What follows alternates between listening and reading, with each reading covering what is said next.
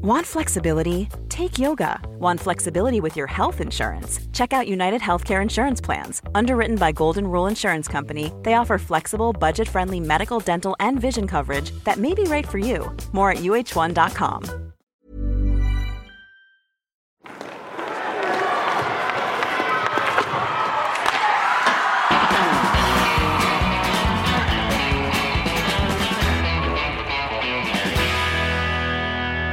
God dag mina vänner! Det är dags att bubbla och prata ishockey under 60 minuter. Och eh, vi har en eh, väldigt speciell line-up ikväll. Eh, igen så välkommen tillbaka som forward Dick Axelsson. Tack så mycket! Kul att vara tillbaka i line-upen igen. Återigen bänkad en vecka, men eh, laddad till tusan. Jag går rakt på sak Dick. Berätta om din mardrömsrunda på golfbanan idag. Ja, Ja, men man går ut där, man har rätt skön känsla där. Klockan slår 12, tea time eh, runt 2. Sen kommer blåsten, eh, regnet, motvinden och då är det bara... Nej, det är godnatt. Spelar du ut hela rundan eller hoppar av efter nio och, och, och tog en stor stark? Eller vad gjorde du? Mentalt eh, spelade jag ungefär fyra hål, men jag gick runt, eller gick och gick, jag körde golfbil i 18 hål. Eh, men eh, nej, jag slutade på plus 8 tror jag på mitt handikapp. Så att det är bara att bryta ihop och komma igen. Men du är väl låghandikappad om jag kan, kan gissa med tanke på din touch och känsla på isen? Nej, men jag är inte det längre eftersom jag knappt har spelat eh, golf på ett tag. Så att, nej, jag ligger på stabila 13 nu. Så att, eh, men det finns, eh, det finns mer att ge. Och som center i vår lineup så har vi som vanligt Hans Abrahamsson, Abris Abrahamsson. Ja, fick jag äran att centra er två alltså. Ja, det var ju... Ja, men du var ju dieselcenter på, ja, på back in the days, var du inte det? Ja, jo, jo. Men uh, nu är ju liksom kvaliteten lite annorlunda, lite högre. Va? Så då, då uh, tänkte man att man kanske fick flytta ut på en kant. Men jag, jag är hedrad, tack. Vad är dieselcenter förresten, för de som inte riktigt... Det var, det var Johan... Uh, uh, Åkerman heter han givetvis, som du spelade tillsammans med Vålrängen. Det var han som beskrev det som dieselcenter en gång i tiden. Vad, vad menar man med det förresten? Ja, det är väl att det går lite i samma tempo, att det tempot inte är så högt. Kan vi väl säga. Okej. Okay. Ja, lite Just så. Det. det är liksom, ja, det tuffar på som en traktor. Jag vet inte, traktor, jag är dålig på bränsle alltså, men, men, men eh, jag har haft en dieselbil nu nyligen, men inte nu längre. Men eh, jag tror att traktorer kanske går på diesel eller typ. Jag vet inte. Ja, just det. Det borde du veta. Det är spelare som man är lite orädd för. Man behöver inte vara orädd för som spelar på isen, för man vet, aldrig, man vet om att de aldrig kommer liksom dribbla förbi någon direkt. Nej, det här var ju på en tid när det kanske inte gick riktigt lika fort heller som det gör idag. Så att det var väl varit lite lika eh, markant hur sakta det gick. Men, men ehm, det fanns inga skridskocoacher riktigt på den tiden heller. Inga sådana skillscamp. Jag hade nog behövt gått på något sånt kanske. Vi ska prata om eh, det mest intressanta den gångna veckan och det, det som kommer ske kommande vecka. Och det roligaste som, som har skett i svensk hockey, eller ja det är väl svensk hockey får vi säga, det är väl att publiken är tillbaka. När man öppnade arenorna i onsdags och i torsdags och i fredags och i, i lördags, eller igår då, det är söndag kväll när vi bandar här, så var publiken på, vägen till, på väg tillbaka. Eller fick komma in i arenorna. Uh, hur upplevde du publikanstormningen eller tillströmningen Dick?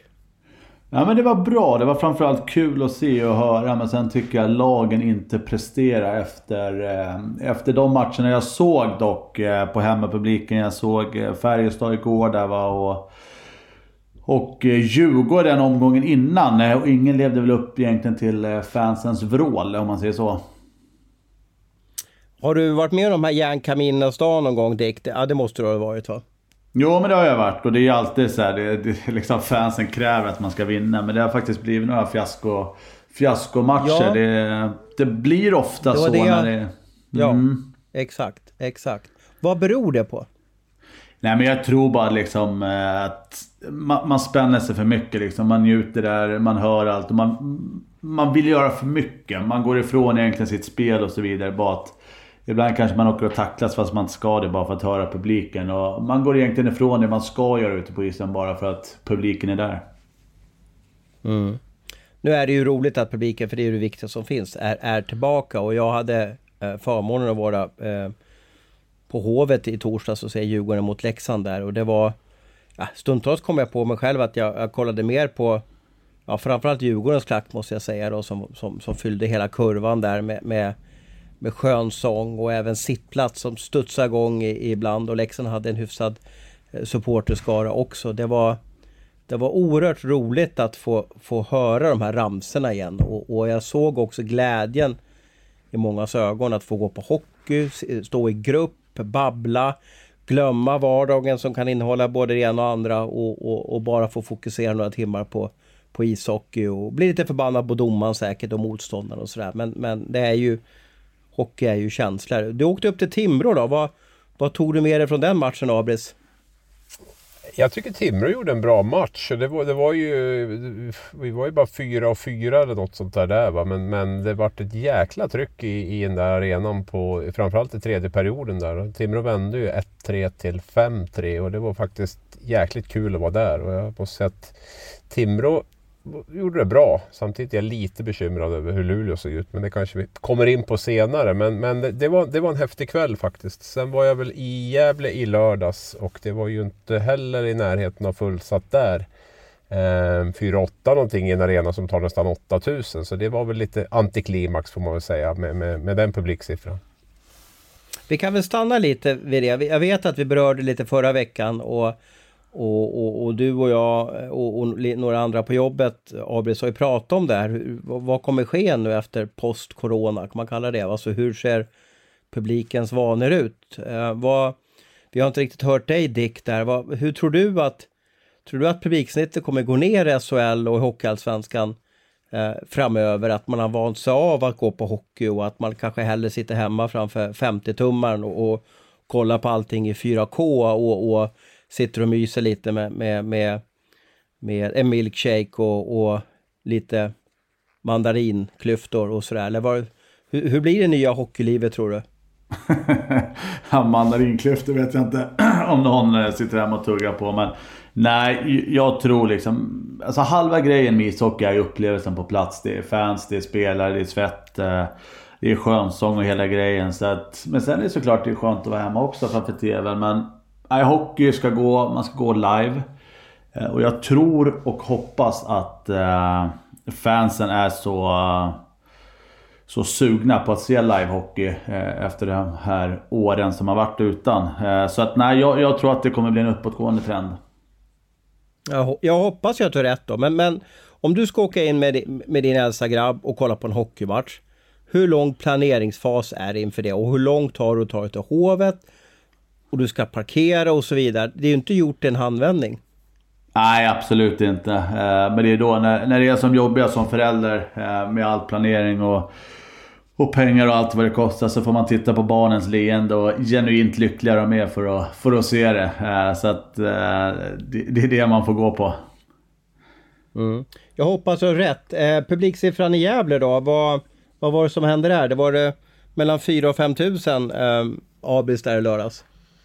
Ja, 4 och 7 någonting var det väl. Nej, men det finns nog säkert flera, flera orsaker till, till det. Jag menar, Brynäs har väl ett jätteförtroende och, som de måste bygga upp återigen eh, gentemot publiken. Eh, det är väl en sak. Sen vet jag att deras biljettsystem har ju inte fungerat överhuvudtaget fram till för bara några dagar sedan som de fick igång det före matchen. Eh, ja, så att jag vet, jag vet inte. Men sen är väl intresset kanske inte... Jag vet inte. Jag tror att det har varit fyra riktigt tuffa år. Jag tror också att det märks lite grann på att eh, publiken inte är så trogna som man kanske hoppas på. Utan man får nog försöka återuppbygga det förtroendet igen och, och hoppas att det kommer fler.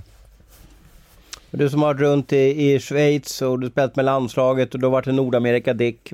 Kan man göra någonting för att liveupplevelsen ska bli bättre och att det ska bli coolare och roligare att gå på ishockey? Ja men det är svårt liksom. Det finns ju allt från eh, Kids Day och så vidare. Eh, sen, sen, är, sen är ju ett problem, det är ju eh, biljettpriserna på många arenor är ju dyrt. Och alla är ju inte obegränsade med pengar som, som det är med, med herrgård i Leksand och så vidare. Så att...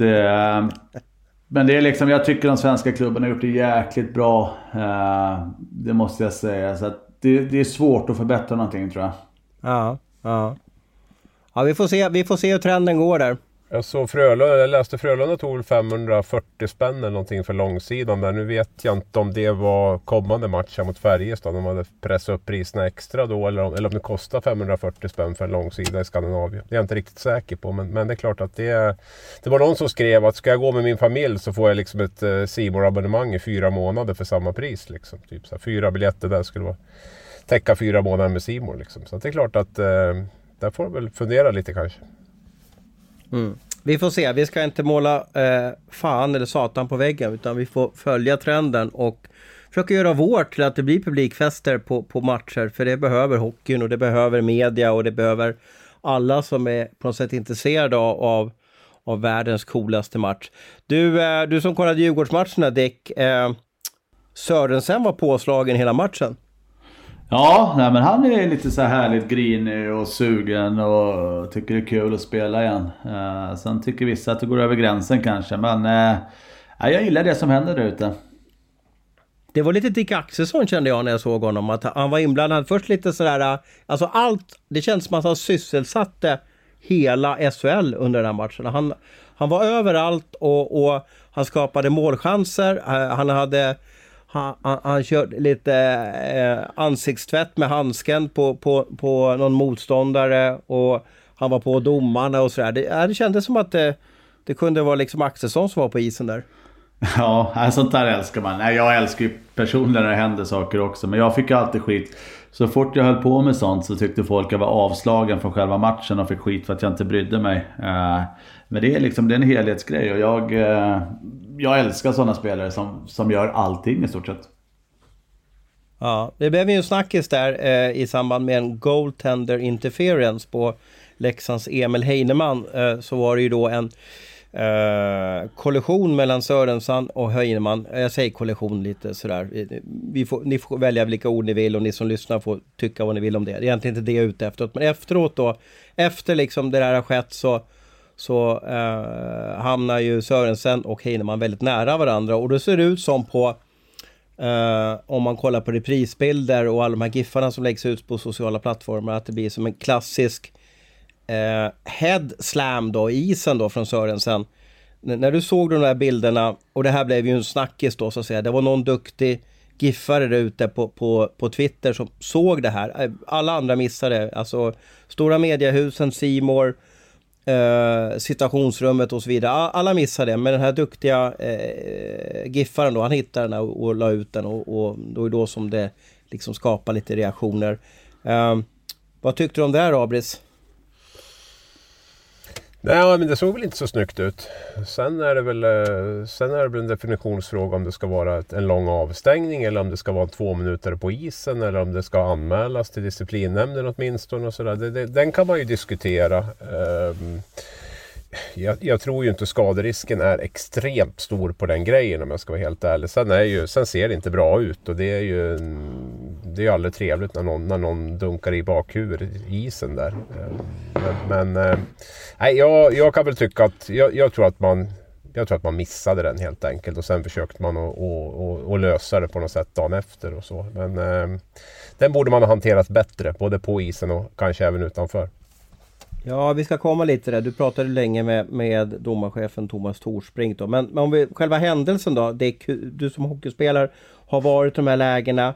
Du kanske har liksom blivit utsatt för något liknande. Att någon, när man ligger ner, någon försöker ta tag i hjälmen och så vidare. Vad, är det en olyckshändelse eller är det lite... Är det lite för elakt av Sörensen? Nej, men jag, jag, tror inte Sörensen är beredd på att eh, Heinemann ligger helt eh, avslagen heller. Utan eh, personligen om jag hade blivit intryckt i målet där och legat där, då hade jag ju ställt mig upp och fightas för fulla krafter. Så jag tror han blir lite överrumplad också över att han inte gör något motstånd. Och sen är det klart att han inte vill mm slå, slå, köra ett MMA-grepp och slå ner huvudet i isen. Men att sitta och... Jag såg hela Twitter börja trenda där och det ska vara avstängning och det fulaste jag sett. Och, jag är ju tvärt emot liksom. Då skulle man ju lika gärna kunna ta en...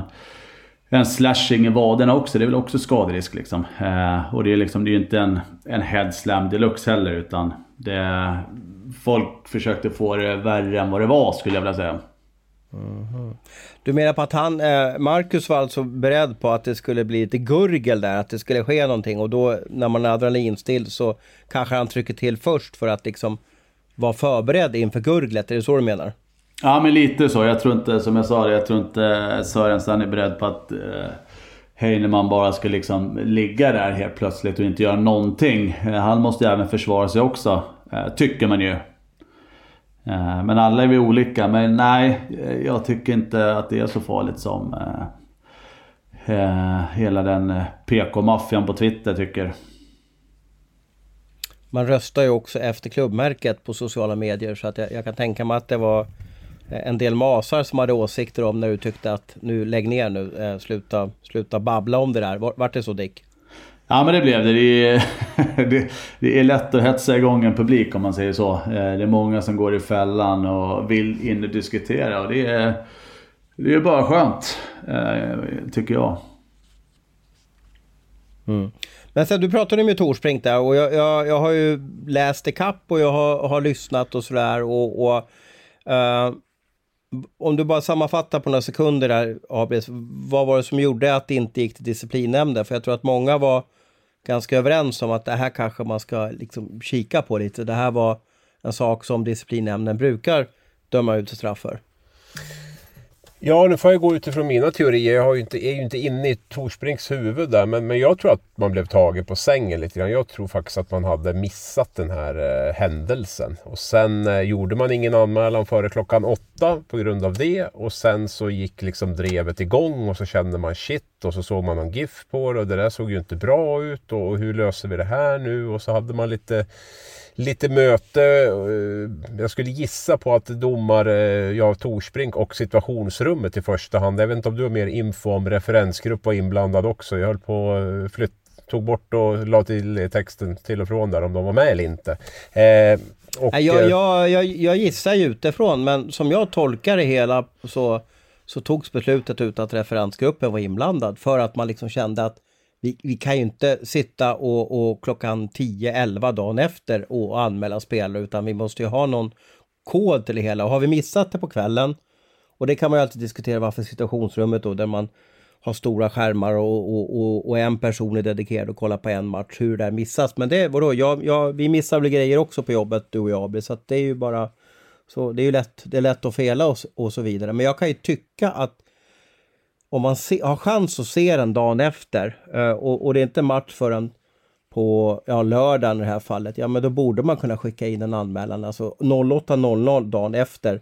Det borde inte vara så heligt utan man borde kunna ha lite spelrum där. Jag vet ju någon spelare för några år sedan som fick veta från disciplinnämnden att han var avstängd eh, när han satt på bussen på väg till bortamatchen.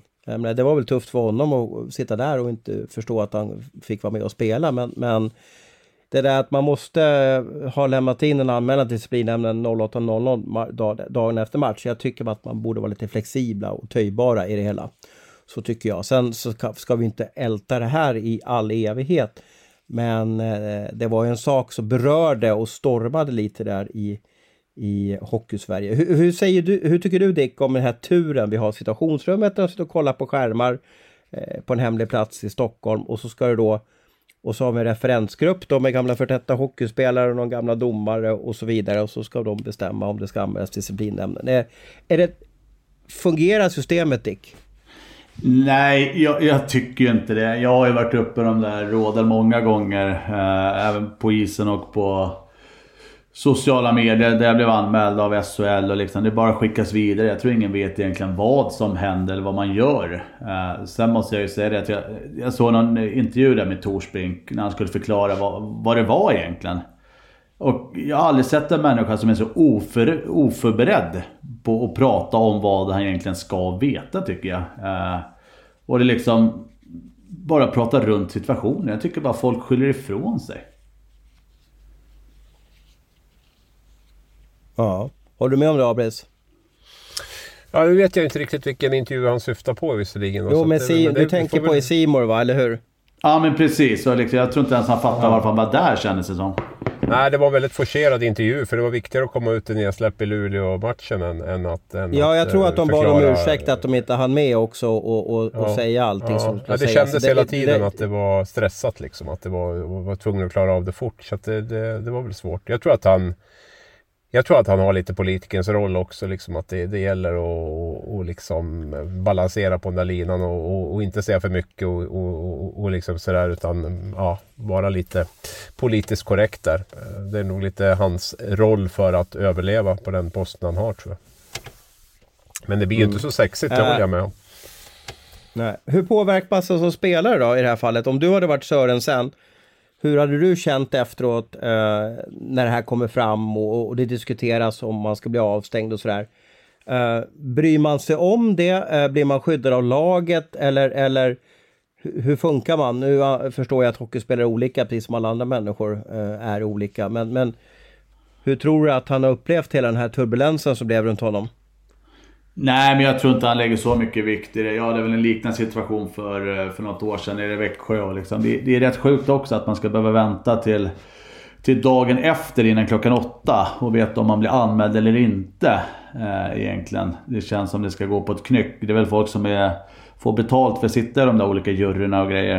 Eh, men nej, det påverkar inte jättemycket. Det är bara irriterande att det finns liksom ingen röd tråd i det hela. Om du fick frågan att vara med i referensgruppen då och, och hjälpa svensk hockey, vad skulle du svara då? Nej, det hade jag absolut inte gjort. Ja, ord inga visor. Vi släpper det. Eh, det har ältats nog. Det kommer inte bli en avstängning. Det spelar ingen roll vad, vad vi gör. Eh, jag tror att det här kommer diskuteras i alla fall när eh, eh, domarna åker runt till lagen nästa år så kanske man kommer ta upp den där händelsen. Och så får vi se om det blir något prejudikat som Torsbrink pratade om. Luleå Hockey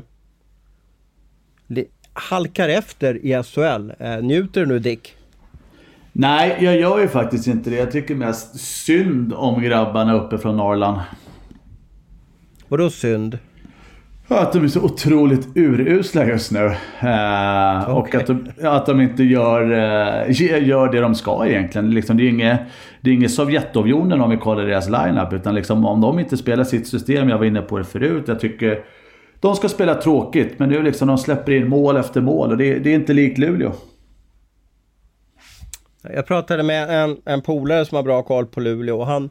Jag frågade honom vad som är, vad som är eh, fel där uppe och då menar han på att många hade, har läst sönder eh, Luleå. Många går på, de ligger kanske två eller tre gubbar på omark hela tiden och det, det löser inte han. Och sen har de släppt in Lassinantti för tidigt på isen, att han inte är matchtränad. Har, här, har, har, min, har min deep throat i, i, i Luleå rätt eller, eller vad har du för tes Abris?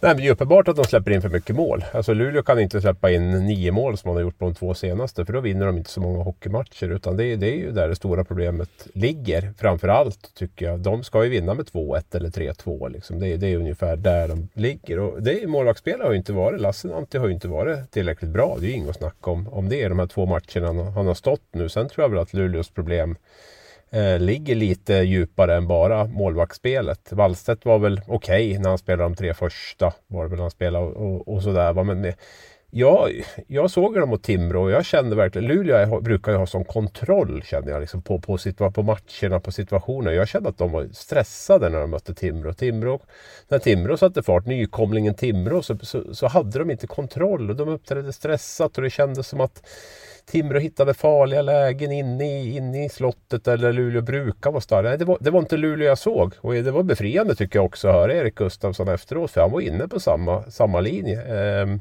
även om de ledde med 3-1 så, var, så såg det inte bra ut. Det, och det är något som, som inte stämmer där uppe än så länge i alla fall. Ska väl också lägga till att de har väldigt mycket nya spelare. Ovanligt många för att vara Luleå. Det är väl sju forwards tror jag som har kommit in. Och, och sådär och tre backar eller något. Så det, det, är klart att det kan ta lite tid. Men, men eh, jag är inne på det Dick säger också att eh, Luleå måste spela efter det system som Thomas Berglund sätter upp för att vara effektiva. Vad säger du om Omarks eh, Corser Abres? Du som, du som har en...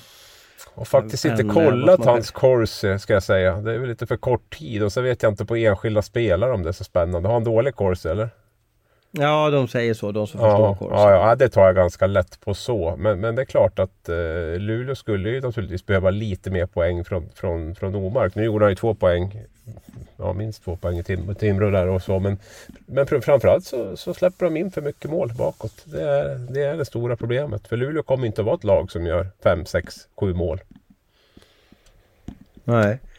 Ehm, när kan man börja eh, ta Corsi på, på allvar? Alltså, jag, jag menar så här, det har gått fem matcher nu. Luleå och Örebro har bäst Corsi, men ligger längst ner i tabellen. Eh, och då antar jag att det, liksom, det har inte satt sig ännu. Men efter många omgångar kan man liksom börja, ja men nu, nu har vi verkligen bra Corsi så, så att nu kommer vi bli ett lag som hamnar i toppen av serien. För det är, det, det är ju så som Corsi-fantaster anser att det blir. Har det varit till mig den där misstänker jag va? Ja, jag Eh, antar efter- det. Efter- Dick- efter Dick- säsongen- är ju som efter jag tycker att det där... Ja, efter säsongen höll jag på att säga. Det man kan se tydliga trender på är när man sammanställer efter 52 omgångar i alla fall att eh, det är svårt att vara med i toppen om inte du ligger högt i, i kursen och, och, och tvärtom. Sen tycker jag att den som statistikform har väl devalverats rätt rejält de senaste åren här där man tittar på väldigt många andra parametrar. Där det känns lite som att det är de som är sent på bollen med statistik som, som, som dopar sig med lite hög course. Det är lite så det har blivit. Eh, jämfört med för tio år sedan när ingen, det var två, tre klubbar som jobbade med det här och, och, och hade koll. Och då var coursen viktigare. Nu tror jag det finns betydligt vassare mätinstrument än, än just coursen. Men eh, i det stora hela kan man ju säga att det, det är jättesvårt att vara bra om du inte har en, en hög course efter 52 omgångar i alla fall. Och för svar på det, du behöver väl i alla fall gå en 25-30 omgångar skulle jag tro innan du kan börja dra några slutsatser av det. Men när du har mött Luleå, Dick, under de senaste säsongerna, alltså, hur, hur tänker man för att kunna slå dem? Och Vilken typ av taktik ska man ha mot dem? För de har ju kört lite samma sak i, i, i flera år här och då, till slut så måste ju motståndarna lära sig hur man, hur man tar dem. De överbelastar ju ganska hårt och så vidare. Ja men precis, och de ligger ju också och, och väntar lite egentligen på motståndarnas misstag och har varit rätt effektiva. Men liksom saken är den när man åkte upp till Luleå, man sitter där på flyget och bara oh shit, nu ska vi möta Luleå, fy fan vad tråkigt. Eh, kommer in på matchen, får knappt en, eh, får knappt en målchans mot dem. Eh, och då, och då, då vet man att de har gjort sitt jobb, de gör det de ska.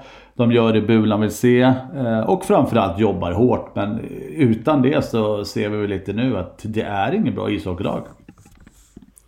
Nej. Tror du... Är det tror, alltså spelarnas ja. kvalitet som inte, som inte räcker alltså? Nej men som jag sa lite innan också, det är inte Sovjetunionen när vi kollar line-upen utan liksom det är, Melodin i Luleå det är ju att jobba hårt framförallt och de ska vara jobbiga. Eh, som vi sa, de överbelastar. Man, man får liksom ingenting emot dem. Och, och gör de inte det liksom, då, då är de som vilket lag som helst. Och då, då är det inte speciellt svårt att möta dem. Jag måste hoppa in där. Mm. Tror, tror, du, tror du Dick att eh, Thomas Berglund börjar tappa greppet där uppe eller kommer han att få ordning på det här? Ja men det... Ja ja, men det är väl liksom eh, både och liksom. Det beror på vad spelarna är dedikerade på också. Eh, Bulan, alla vet ju vad, vad Bulan gör. Han har väl varit där uppe några säsonger nu om man säger så. Eh, så att det, det blir liksom... Eh, går spelarna ihop eller inte? Annars blir det en... Eh, tråkigt besked förmodligen för, för Bulan. Tror du att de gör det? Det här är ju intressant. Det här är intressant tycker jag. Eh, du har ju varit i många lag Dick och man pratar om att en, en del tränare har liksom längre livslängd än, än, än andra tränare. Det vill säga att de som är lite polare med, med spelarna och är lite snäll och så vidare, att de överlever längre. Är det bara liksom en bild som vi har utifrån? Och, och att andra sidan någon som gnäller och skriker och liksom ställer lite krav och är lite tuffare. De har liksom spelarna lättare att gå ihop och gå emot. Är det en bild som stämmer när man har varit som du i omklädningsrummet i många år? Eh, och är det en felaktig bild som vi har byggt upp som, ja, utifrån? Nej men det tror jag faktiskt inte. Eh, det blir ju liksom om, en, eh, om en tränare står och skriker åt dig sju dagar i veckan så det är klart man inte ställer upp sen när det, när det börjar brinna i knutarna. Eh, utan liksom man, ishockey det är ju en lagidrott och man spelar för varandra och det inkluderar ju även tränare och ledare och, och allt som har med det att göra. Så att det är klart, nej, jag tror att eh, ge och ta, en ödmjuk kille skulle leva längre som tränare än en, eh, än ett asshole som vi brukar säga. Mm. Vem är det största asshole du haft som tränare? Uh, för mig var det ju Ulf Samuelsson där uppe i Modo. Vi kom inte riktigt ja, överens. Just ja, ja just så att, ja. Uh, vad, var det, det som... Hur, hur, hur såg ni på livet? Ja men väldigt olika måste jag säga. Han har levt där borta i över pölen och jag har ju spelat SHL-hockey på stor rink. Så att nej, vi kom inte överens alls och samtidigt som jag var skadad halva säsongen. Så att, eh, en klassisk pannkaka men eh, vi pratar inte idag om man säger så. Mm -hmm. Tråkigt, tråkigt. Mm. Eh, Bulans kontrakt går ut den här säsongen, Abris. Om du har äh, örat mot rälsen, vad, ja, vad, vad är, vi, är, vi, är vi säkra på det eller? Jag är tveksam på den alltså. Jag tycker att han har kontrakt längre. Ja, vi kan googla det samtidigt här som... Ja, som för jag vill inte bli uppäten av någon Luleå-fans. Nej, men vi ska inte bli uppätna av fel fakta. Det, det går ju inte. Men jag googlar, jag googlar fram det så kan väl du diskutera om hans äh, framtid då. Ja, eh, nej, men jag tror att det hänger mycket på om de får, får ordning på det här nu. Man ska väl ha klart för sig också att Luleå, det finns, allt är ju inte nattsvart liksom i den här starten. De, de har haft en dålig effektivitet, eh, de har haft ett dåligt målvaktsspel, de har eh, haft ganska dåligt special teams. Eh, så det är klart att det, det, det gör ju också att de förlorar matcher. Och det, de sakerna kan man ju faktiskt... Eh, det brukar gå lite i vågor så de tror jag att man eh, kommer att kunna rätta till här under, under säsongen. Och, och, och vinna fler matcher. Nej men jag, jag, jag, vill, jag tror inte att det är hans sista år här. Jag tror att han blir kvar. Sen, eh, sen hur länge till? Men jag skulle kunna tänka mig att i alla fall den här säsongen och nästa. Jag läser ett pressmeddelande från Robert Hedlund som skrevs här för, för eh, två år sedan.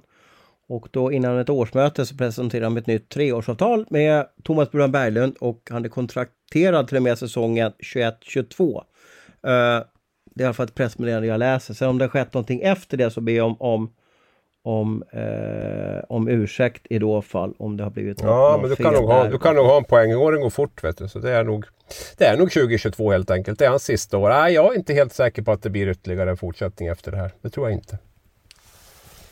Nej, nej.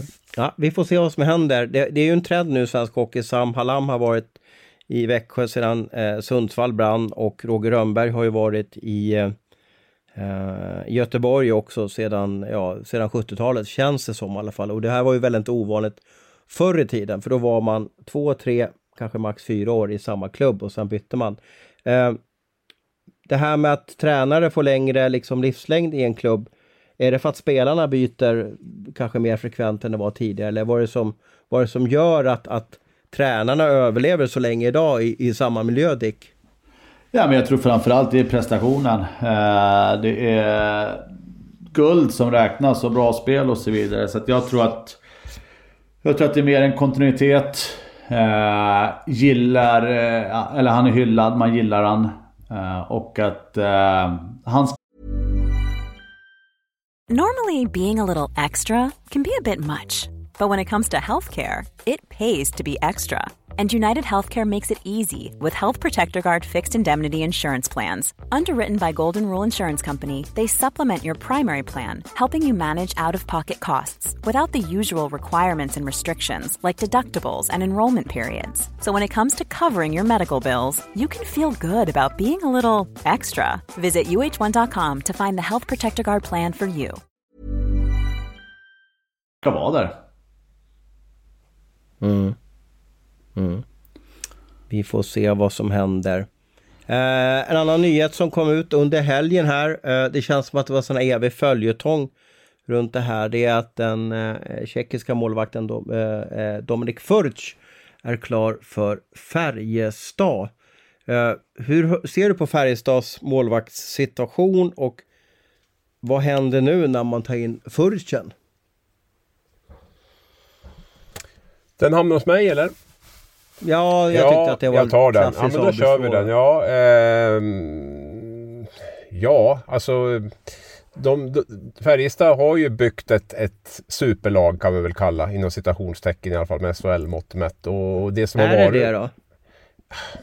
Ja, vi vill ju gärna, vi vill ju gärna bygga, vi vill, ju bygga positivt och, liksom, och, och, och, säga att det är ett superlag och, och, och sådär. Så att det, det, det, kan vi väl, ja, men de har mycket offensiv spets, det måste man väl ändå säga. Tillstå och, och, och tycka. De har tre, tre riktigt vassa offensiva kedjor och en fjärde kedja som jobbar väldigt hårt och också är bra. Så att det tycker jag vi kan säga att vi säger att det är ett superlag. Och eh, målvaktssidan har ju varit det stora frågetecknet. Henrik Haukeland har ju liksom varit kvalhjälte med Timrå och Leksand.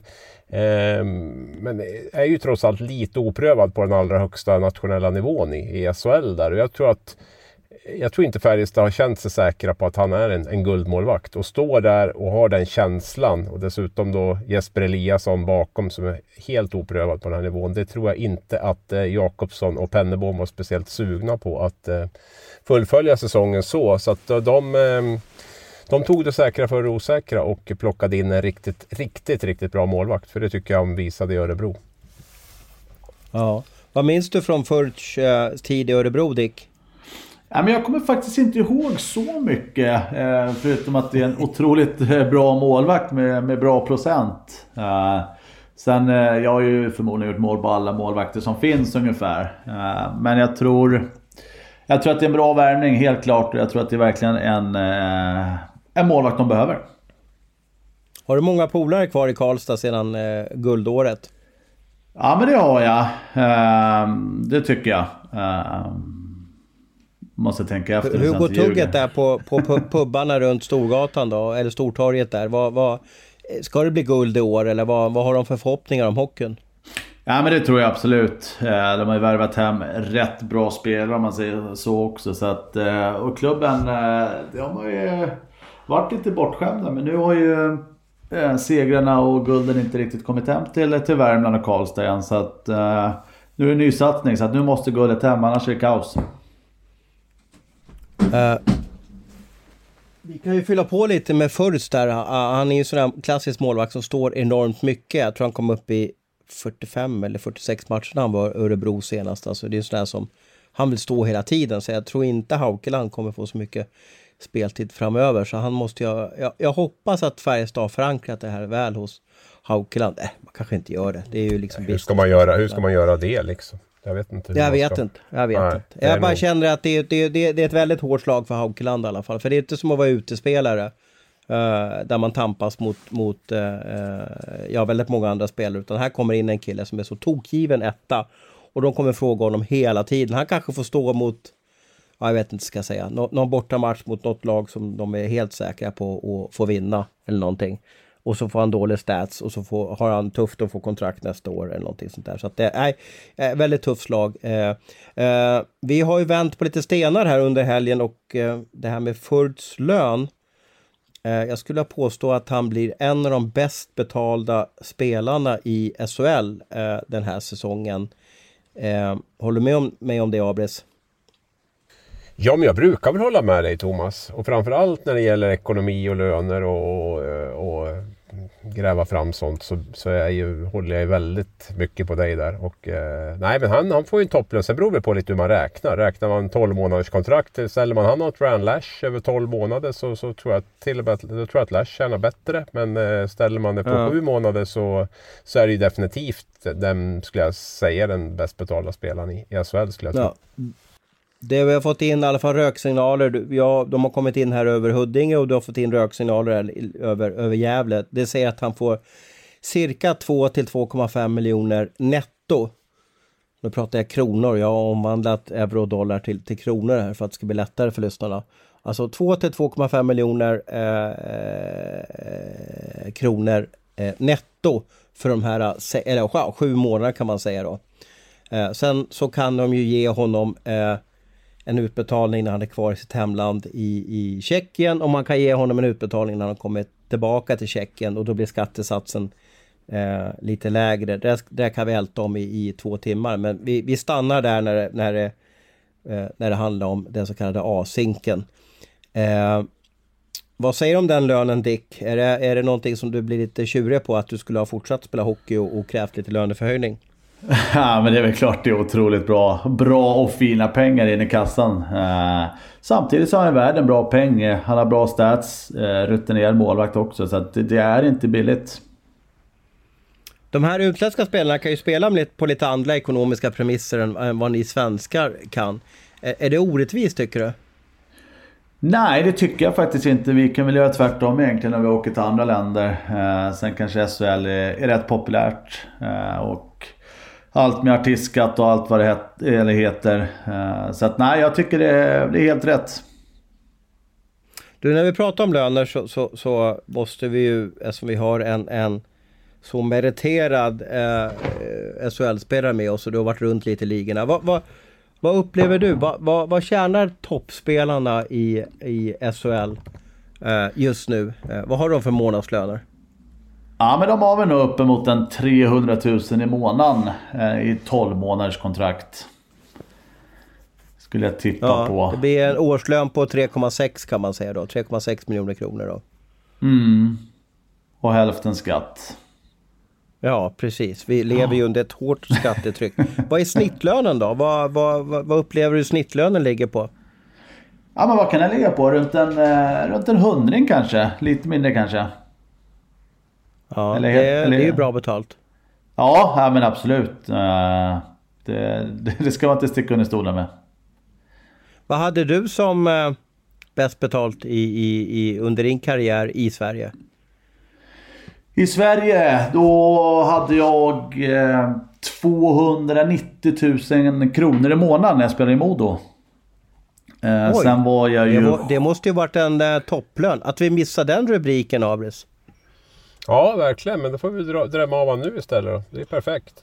Han har. Exakt. Men, det var ju, men... Vad, var det som, vad var det som låg bakom det? För det är ju, det är ju en sjukt bra lön. Ja men absolut. Nej, men jag, jag var ju i Färjestad då och eh, har för mig att det blev någon form av eh, bästa forward under slutspelet. Och hade ett bra år generellt.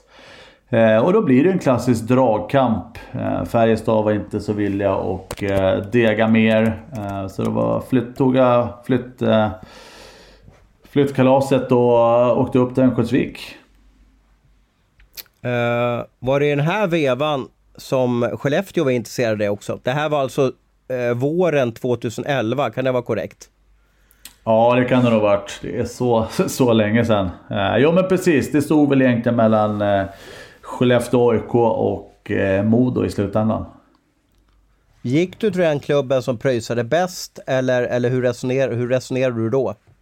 Nej, det gjorde jag inte. Jag tror rent hockeymässigt, om, om man ska vara helt ärlig, så skulle valet varit eh, Skellefteå för, för vidareutveckling och så vidare. Men jag gick eh, till Modo. Eh, väldigt bra lag ändå. Eh, mycket kompisar från Stockholm också, så det var väl mer det som, eh, som gjorde biffen egentligen. Just det, du fick då återförenas med Ahnelöv där kan jag gissa också. Precis, och killar som... Sen kom Mika Hannela och det var Niklas Danielsson, Jonas Ahnelöv ja. Nej, det var ett... Eh, Micke Tellqvist var ju där också. Just, att, det, eh, var ett jäkla gäng. 290, den, den, ja då fick de pröjsa rejält där. Eh, var det Näslund som var general manager för Modo då eller? Precis, det var det. Eh, och på den tiden var jag ju ganska bra också. Men sen måste jag även säga att jag var ju sjukskriven ungefär halva säsongen så att jag såg inte röken av alla pengar om man säger så. Nej, skrev du bara ett år med Modo? För du lämnade ju Modo för Frölunda sen. Ja men precis. Eh, ett år eh, var det på den. Det var väl någon form att jag ville till utlandet och så också men eh, efter den säsongen och halva säsongen skadad så fanns det inte många, många bud på, på bordet. Du, har du slagit dig nu efteråt när du sitter där ute i östra Stockholm att hade du gått till Skellefteå så kanske du haft fyra SM-guld idag? Ja, nej, men det, det är klart det har kommit upp i, i järnbalken, absolut. Eh, och som jag sa också, eh, rent hockeymässigt så hade det varit bättre om jag eh, gick till Skellefteå. Men sen måste jag fråga, du var ju i Schweiz också under tre eh, otroligt, det måste vara roliga säsonger där. Eh, kanske inte sista året för att du var väl skadad om jag, om jag minns rätt där. Men 2014, 2000, eh, 2014, 15, 15, 16, 16, 17 så var du Davos. Jag har aldrig varit i Davos och jag är så tjurig på mig själv för att jag inte har fått chansen att se den där äh, vackra träarenan och den här... Äh, det ser ut som ett vykort när man ser bilder därifrån. Jag har varit i en del andra schweiziska städer men just Ambri och Davos, de har jag aldrig fått vara till och det, de finns kvar på min bucket list. Berätta lite hur, hur Davos är som hockeystad. Ja men den är helt fantastisk. Kanske inte som hockeystad men som, eh, som livsglädje. Eh, det finns ju i stort sett bara två vägar. Eh, en enkelriktad in och en ut liksom. Eh, och eh, det är skidåkning, det är afterski, det är nöjen, det är hockey. Eh, Spengler Cup om vi ska prata om den. Eh, det finns det mesta för att vara en så, så liten alpby. Ja. ja. Eh, fick du åka skidor för övrigt? För jag vet att när, när Peter Forsberg spelade för Colorado då, det ligger ju nära den här skidorten Vail där, så, så fick han ju inte åka skidor på grund av skad, skaderisken. Men hur, hur ser man på sånt där i schweizisk hockey? Det är kanske är svårt att förbjuda när man har världens bästa skidåkning bakom hörnet. Ja men precis, och på min tid, det var ju några år sedan om man säger så. Men eh, nej, vi hade ju skid... Eh, eller det fanns i kontraktet i stort sett. Så man fick eh, ett liftkort och vi åkte upp i stort sett varje dag och käkade lunch på toppen och åkte ner. Så att eh, livet som helhet var ju helt fantastiskt. Mm. Ambri då? Vad, vad tyckte du om deras arena? Och, och liksom, det måste ha varit er längsta bortamatch, kan det ha varit det eller? Ja, men det var nog den franska delen tror jag också. Genève där och Lausanne hade vi nog en 6-7 timmar. Vi låg ju liksom två timmar upp i bergen från, eh, från stora vägen egentligen. Så att tre timmar till Zürich, sju timmar till eh, La France. Uh, så att nej, det var några, några timmar i bussen då. Mm. Vad, vad känner du där då? Ja men där fick jag nog ut en 100, 150-160 000 kronor netto. Eh, fri bil, fri bostad. Eh, och Davos var inte det laget som betalade bäst. Eh, så jag hade tvåårskontrakt när jag kom dit med den lönen och sen tredje året eh, så signade jag nytt. Eh, skulle tjäna mycket mer. Eh, sjukskriven i nio månader och... Ja. Det var skit. Mm, mm, mm, mm. Ja, men då får man ju lite förståelse i alla fall eh, med tanke på eh, när man håller... Eh. Men kunde du lägga undan mest pengar under året i Modo eller mest pengar när du var i Davos? Nej, för helt, helt klart Davos. Som jag sa, jag var ju sjukskriven där uppe i Modo och, och staten ska ha sitt. Så att nej, pengarna lades undan i schweiziska franc. Just det. Och sen eh, så går vi tillbaka till svensk hockey och den här säsongen har du signat med Brödernas HC i division 4. Eh, vad, vad, vad låg ditt lönekrav på och vad tjänar du i månaden där? Nej, jag försökte och försökte. Så jag, jag har svårt att säga att jag kommer till spel i någon match också. Eh, eftersom jag inte fick igenom mina krav. Eh, det var ju 10 000 i månaden och gratis hamburgare resten av mitt liv ungefär jag ville ha. Eh, men det har inte gått igenom så jag har svårt att se att jag kommer stå på isen i den här säsongen. Men du, eh, vem ligger bakom det här laget då? Det är ganska häftiga namn som det finns på, på rosten där. Det är eh, Johan eh, Joakim Wiklander. Vi har eh, Monir Kalgum, alltså eh, Zibanejad bror.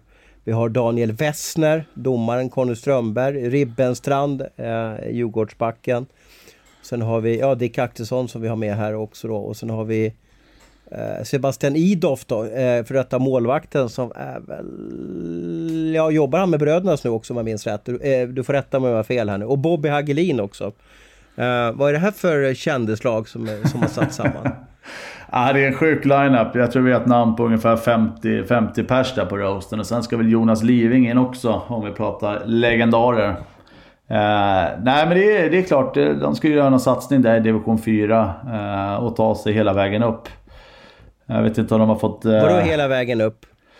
De ska upp till elitserien säger de, SHL. Jaha. Det är målsättningen. Okay. Uh, verkar... men vem ligger bakom då? Vem är det som är Percy Nilsson i det här laget då?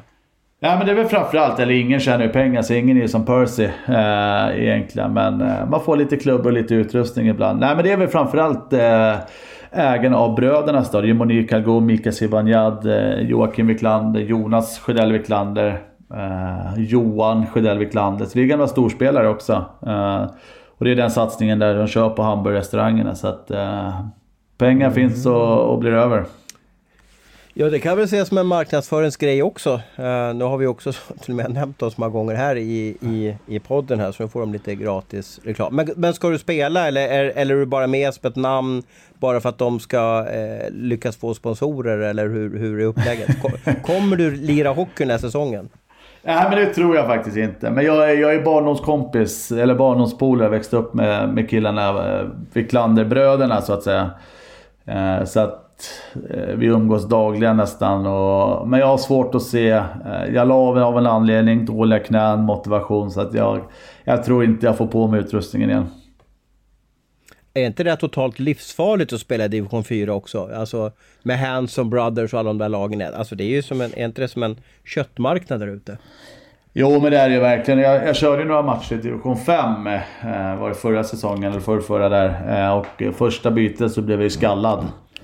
Så att, eh, skallad? Ja, det var en kille som skulle skalla mig. Jag tror Jimmy Wikström var där och filmade också. Eh, och jag fick väl cirka 30-40 tacklingar bara i första perioden. Så att nej, det är helt idiotiskt egentligen. Eh, så man får teckna en bra För försäkring. Alla ville sänka Dick, var det så eller?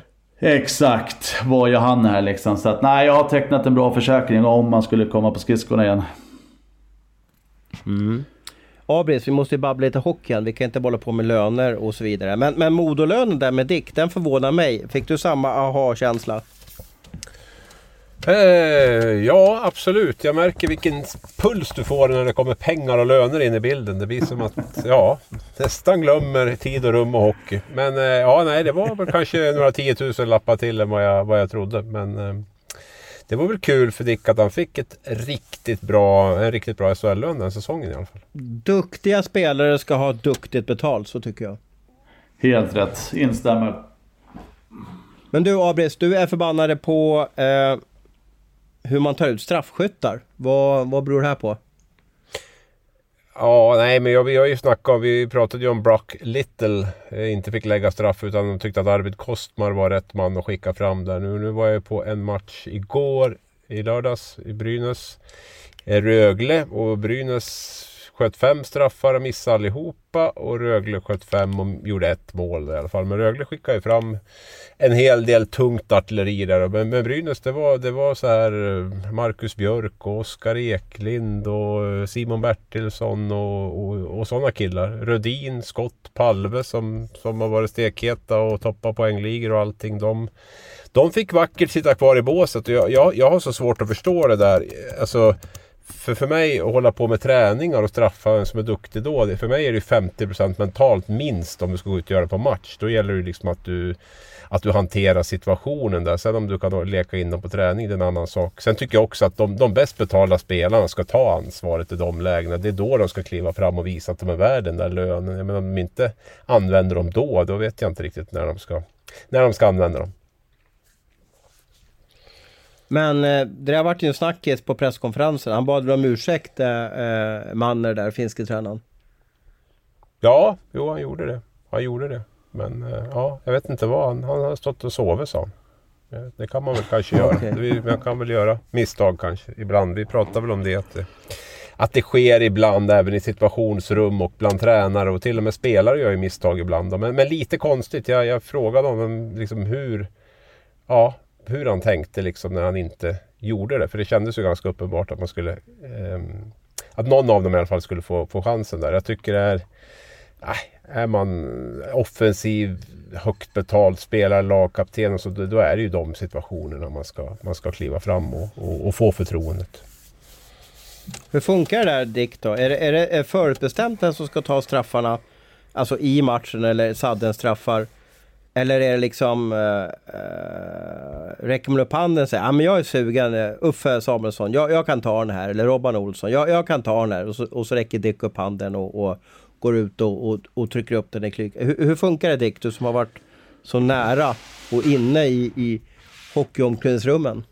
Nej men jag håller med Abris där. Nej men så borde det vara. Liksom, de som är bäst betalda, eh, de älskar oftast pressen också. Men jag vet att det är för mycket politik i det hela. jag vet att målvaktstränare, det är tränare, det är videocoacher som liksom sitter och analyserar motståndarnas målvakter och tänker så här, men den här straffskytten kanske passar mot den målvakten. Men det är liksom i mitt är det ju bara skitsnack liksom. De bästa spelarna, eh, de bäst betalda, de som kan spela hockey, de ska ju såklart ta straffarna.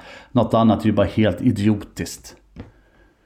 Är yngre, uh, yngre hockeyspelare idag generellt bättre på straffar än vad uh, plus 30 killar är?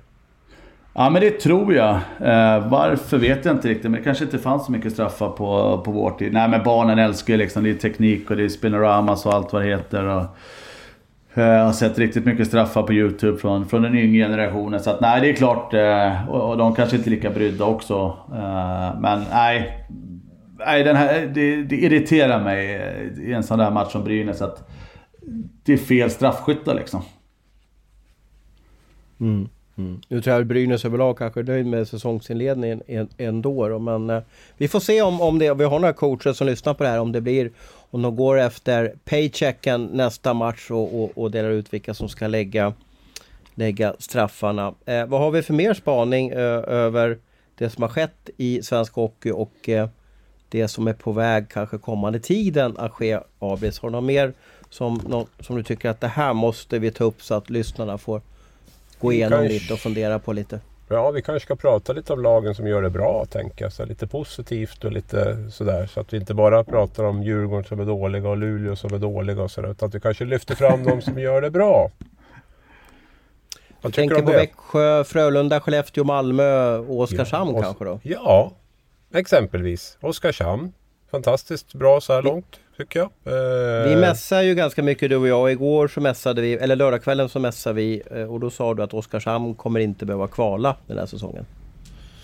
Nej, det var ju hemligt då, i och med att jag tippade kval för Oskarshamn så var ju inte meningen att det skulle komma ut offentligt. Men nu får Jaha, nej, ja, men, nej, men det, nej, det var ingen fara. Eh, men jag kan ju inte ändra mitt tips. Men jag tror att jag kommer att få fel där. Jag är övertygad om att eh, något av va, de här... Va, vad baserar du det på då?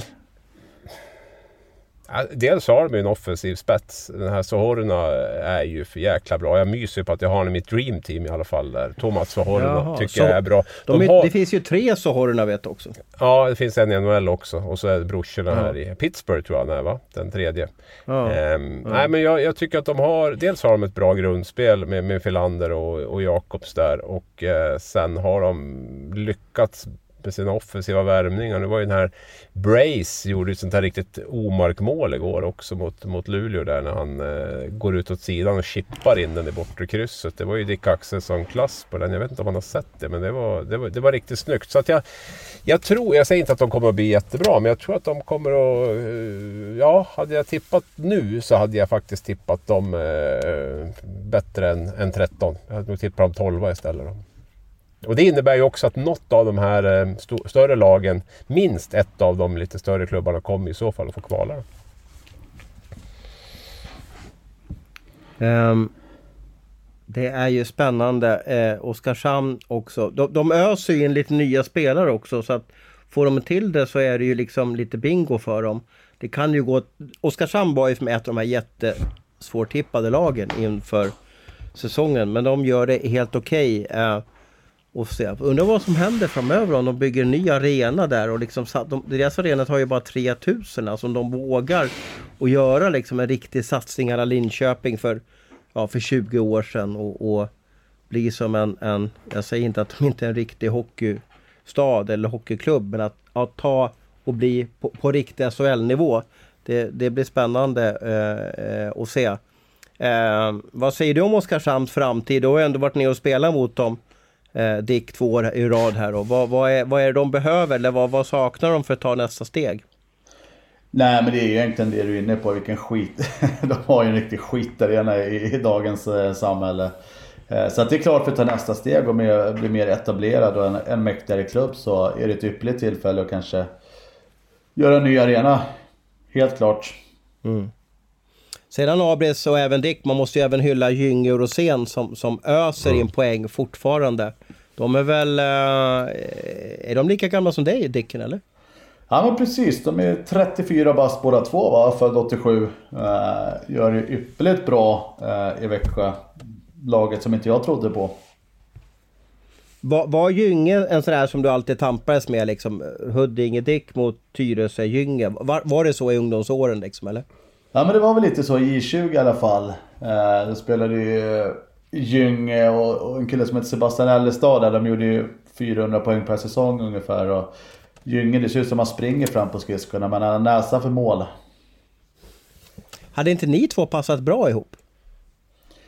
Jo men det tror jag. Gynge är en sån som vill göra mål. Jag har varit inne på det också. Han älskar att göra mål och jag är, jag är en kille som vill få andra eh, att vara bra. Så att jag har ju passat bort 200 lägen i, i mina dagar men nej det tror jag absolut. Ja, det har varit intressant att se dig och mata fram honom där med lite flippassningar över centrallinjen. Uh, är det någon mer positiv grej Abri som du tycker att vi bör, bör lyfta?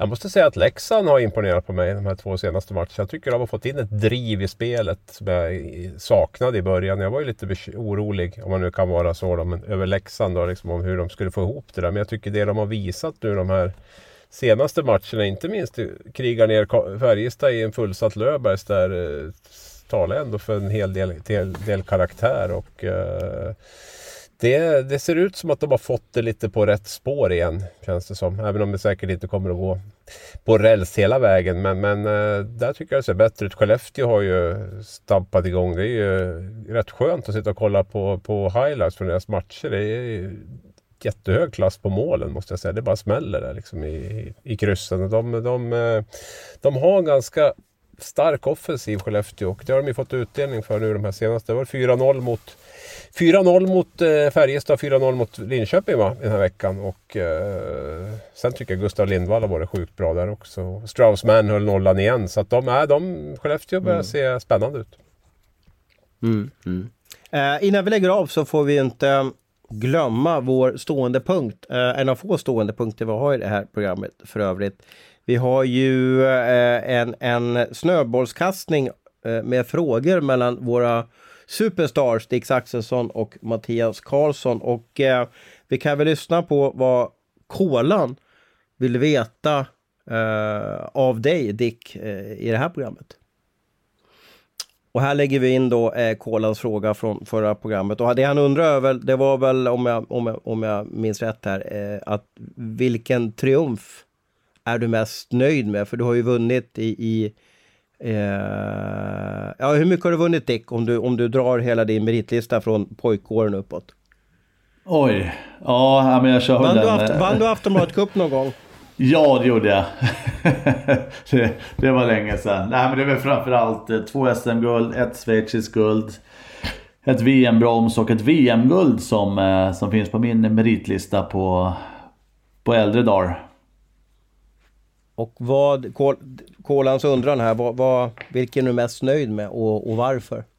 Nej men det är framförallt egentligen det, det första SM-guldet med Färjestad. Och, och Kolan var inne på det också. Jag fick ju Fick ju gå, eh, eller fick sparken av Djurgården mitt under säsongen. Eh, fick lite samtal, Peter Nordström ville att jag skulle komma till Färjestad. Och det blev väl en liten sån här...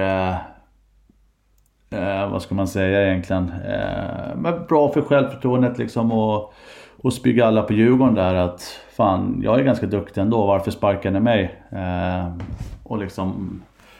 SM-guldet i sig, det första liksom. Men det är inte många som får vinna det. Och jag kände bara att, ja, vilken ära egentligen. Det var ett själv, självspelande piano egentligen med Thomas Rodin, Peter Nordström, Pelle Pressberg, Jörgen Jönsson och så vidare. Eh, men bara liksom delaktigheten att komma in till ett nytt lag. Eh, och få vinna direkt. Eh, och få en, en bra start eh, på det nya livet egentligen. Det var alltså 2008-2009 här, minns jag rätt då? Är du inte så bra på årtal va Dick? Nej, jag är inte så bra på statistik överhuvudtaget. Där. Det är, det är Abris eh, siffra. Men varför fick du lämna Djurgården då? Jag, jag borde ju veta, för jag, var, jag hade säkert någon artikel där någon gång om det där. Men var, var, varför fick du... För Djurgården var ju ditt lag, du gjorde din andra säsong, du hade 12 poäng på 18 matcher. Det är ju ett hyfsat eh, eh, facit för, för en, ja, om du kan ha varit 21 år eller kan ha varit. Vad, vad var det som gick fel? Eh, allt egentligen. Eh, nej men egentligen var det att eh, Djurgården, eh, de som skötte det tåget då, tyckte inte jag var dedikerad nog och la min själ i det vi gjorde. Och fysträning och isträning och, och Djurgården är ett sånt lag som kanske satsar lite mer på den biten än, eh, än på isen. Eh, tycker jag. Så att det var, jag fick sparken för att jag var för lat. Eh, ja. Och jag vill bara påpeka det, liksom, jag hade en rätt bra första säsong i Djurgården också. Jag tror jag hade 25-26 poäng där på första säsongen i elitserien och det här är ju andra året som, som jag fick sparken. Då. Så att, nej, det var väl någon som eh, inte gillade mig helt enkelt. Var det Montén och Micke Johansson eller Järlan eller vem var det som tog eh, beslutet? Ja, någon av dem. Jag vet inte exakt. Men eh, liksom de, de var ju så, så pass eh, trötta på att de eh, släppte ju bara iväg mig egentligen. Det är väl inte ofta man får gå till en, en konkurrent egentligen utan eh, några pengar eh, emellan eller så. Men de, de släppte mig totalt. Men det kan ju ha varit det bästa som har skett, eller hur? I din karriär. Absolut, jag är supernöjd över att jag, jag kunde sprätta mina vingar på ett annat ställe och, och så. Eh, så att nej, jag, jag ser inte i, i backspegeln utan eh, jag är nöjd över vad som hände och, och fick mitt första SM-guld. Mm. Ja men bra, bra tugg. Eh, Abris, är det dags att, att, att avsluta eller vill du ha några avslutande åsikter eller kommentar? ah, vi måste väl ha Dicks fråga till Kolan också va? Ja just det, vad bra att du hjälper farbror här ja. Vad har vi för motfråga eller följdfråga till, eller, eller, eller i alla fall fråga till, till eh, Kolan. Han gjorde för övrigt comeback såg jag i fredags i Guldsmedshyttan där. Eh, tror han gjorde mål också i, i, i matchen. Eh, scenen är din Dick. Ja, jag har till och med faktiskt eh, glömt bort att tänka på det. Det har varit så, varit så mycket annat där på golfbanor idag. Men jag, jag kör den här... Eh, jag ser att han är med i en annan podd också. Eh, om Leksand och egentligen varför eh, sitta och prata i en podd om Leksand. Det är väl inget kul, eller? Ja men det är, det är en bra fråga. Det är en bra fråga. Eh, den, den, släng, den, släng, den, slänger vi till honom, eh, Kola, så får vi se vad han svarar. Eh, Dick och Gabriel, tack för att ni kunde vara med eh, på söndagskvällen. Vi börjar banda det här på söndagskvällen så att vi kan få ut det snabbt på, på måndagmorgonen. För att vi vet att ni där ute eh, har ett sug att på vägen till jobbet eller, eller på jobbet eller i skolan eller, eller vad det nu kan vara. På rundan med barnvagnen eh, har ett sug och, och lyssna på någonting som ni älskar, det vill säga ishockey. Eh, tack för den här gången och så hörs vi längre fram. Ha det bra nu! Du har lyssnat på en podcast från Aftonbladet. Ansvarig utgivare är Lena K Samuelsson.